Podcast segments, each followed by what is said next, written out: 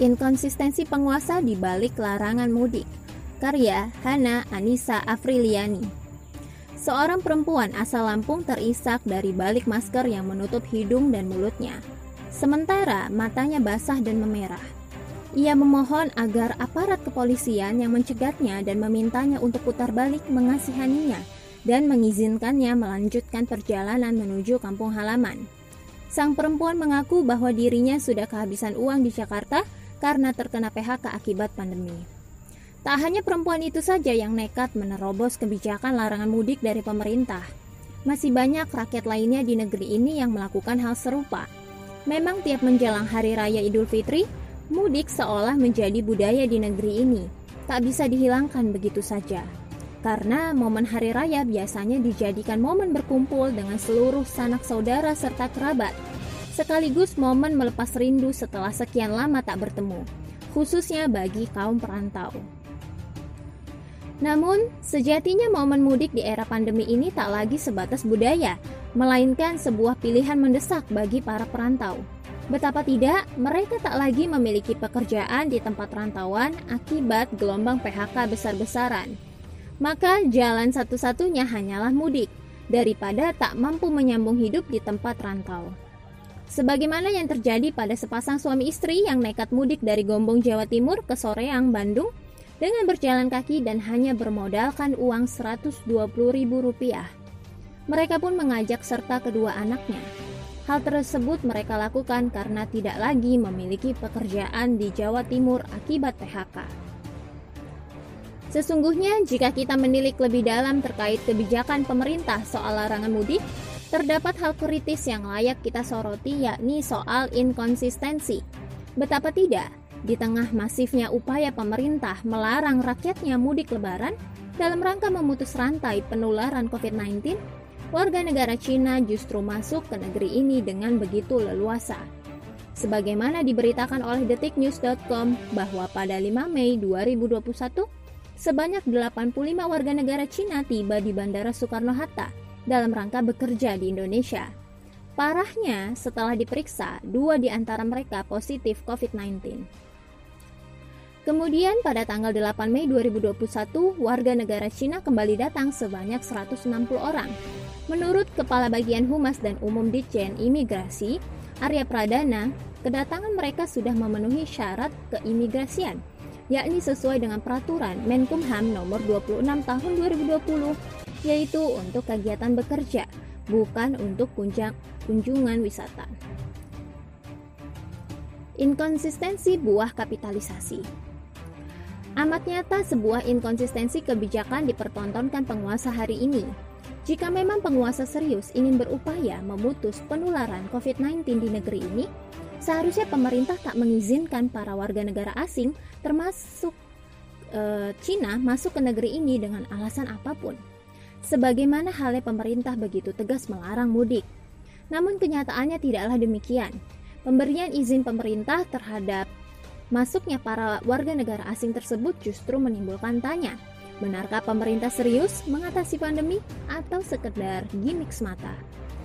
Adanya izin pemerintah atas kedatangan warga negara asing asal Cina dalam rangka bekerja menunjukkan bahwa pemerintah lebih memihak pada para pemilik modal Memang sudah sejak awal pemerintah fokus pada perbaikan ekonomi negara di masa pandemi ini, sampai-sampai memaksakan new normal di saat kondisi masih abnormal.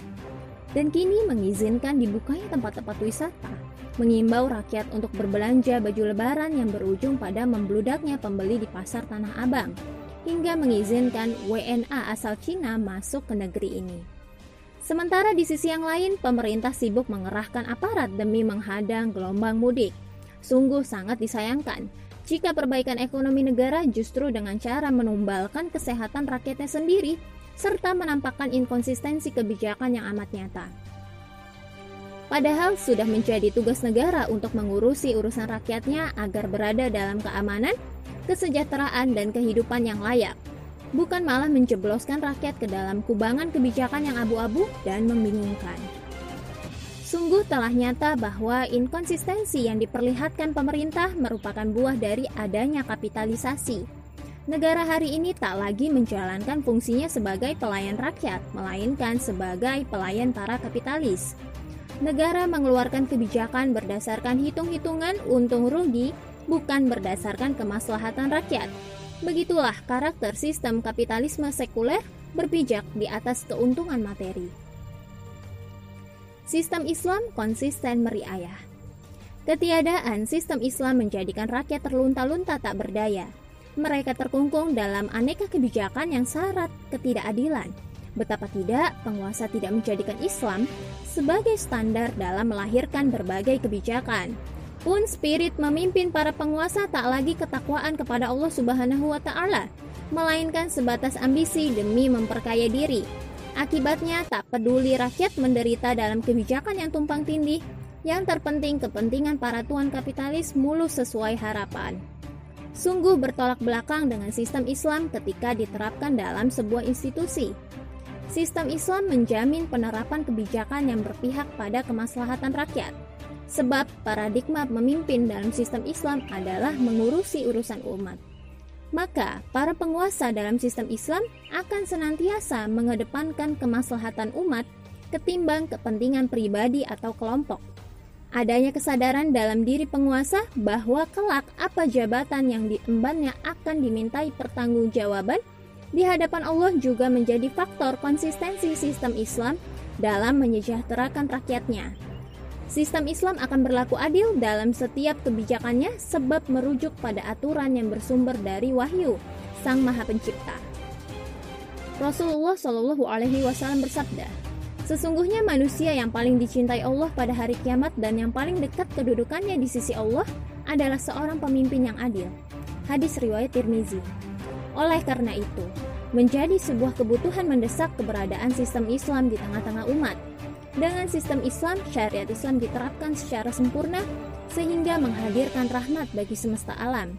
Karena sistem Islam terbukti ampuh menyelesaikan berbagai persoalan tanpa melahirkan persoalan baru. Selain itu, dengan penerapan sistem Islam itu pula lah akan terwujud baldatun thayyibatun wa rabbun ghafur. Insyaallah. Wallahu a'lam bishawab.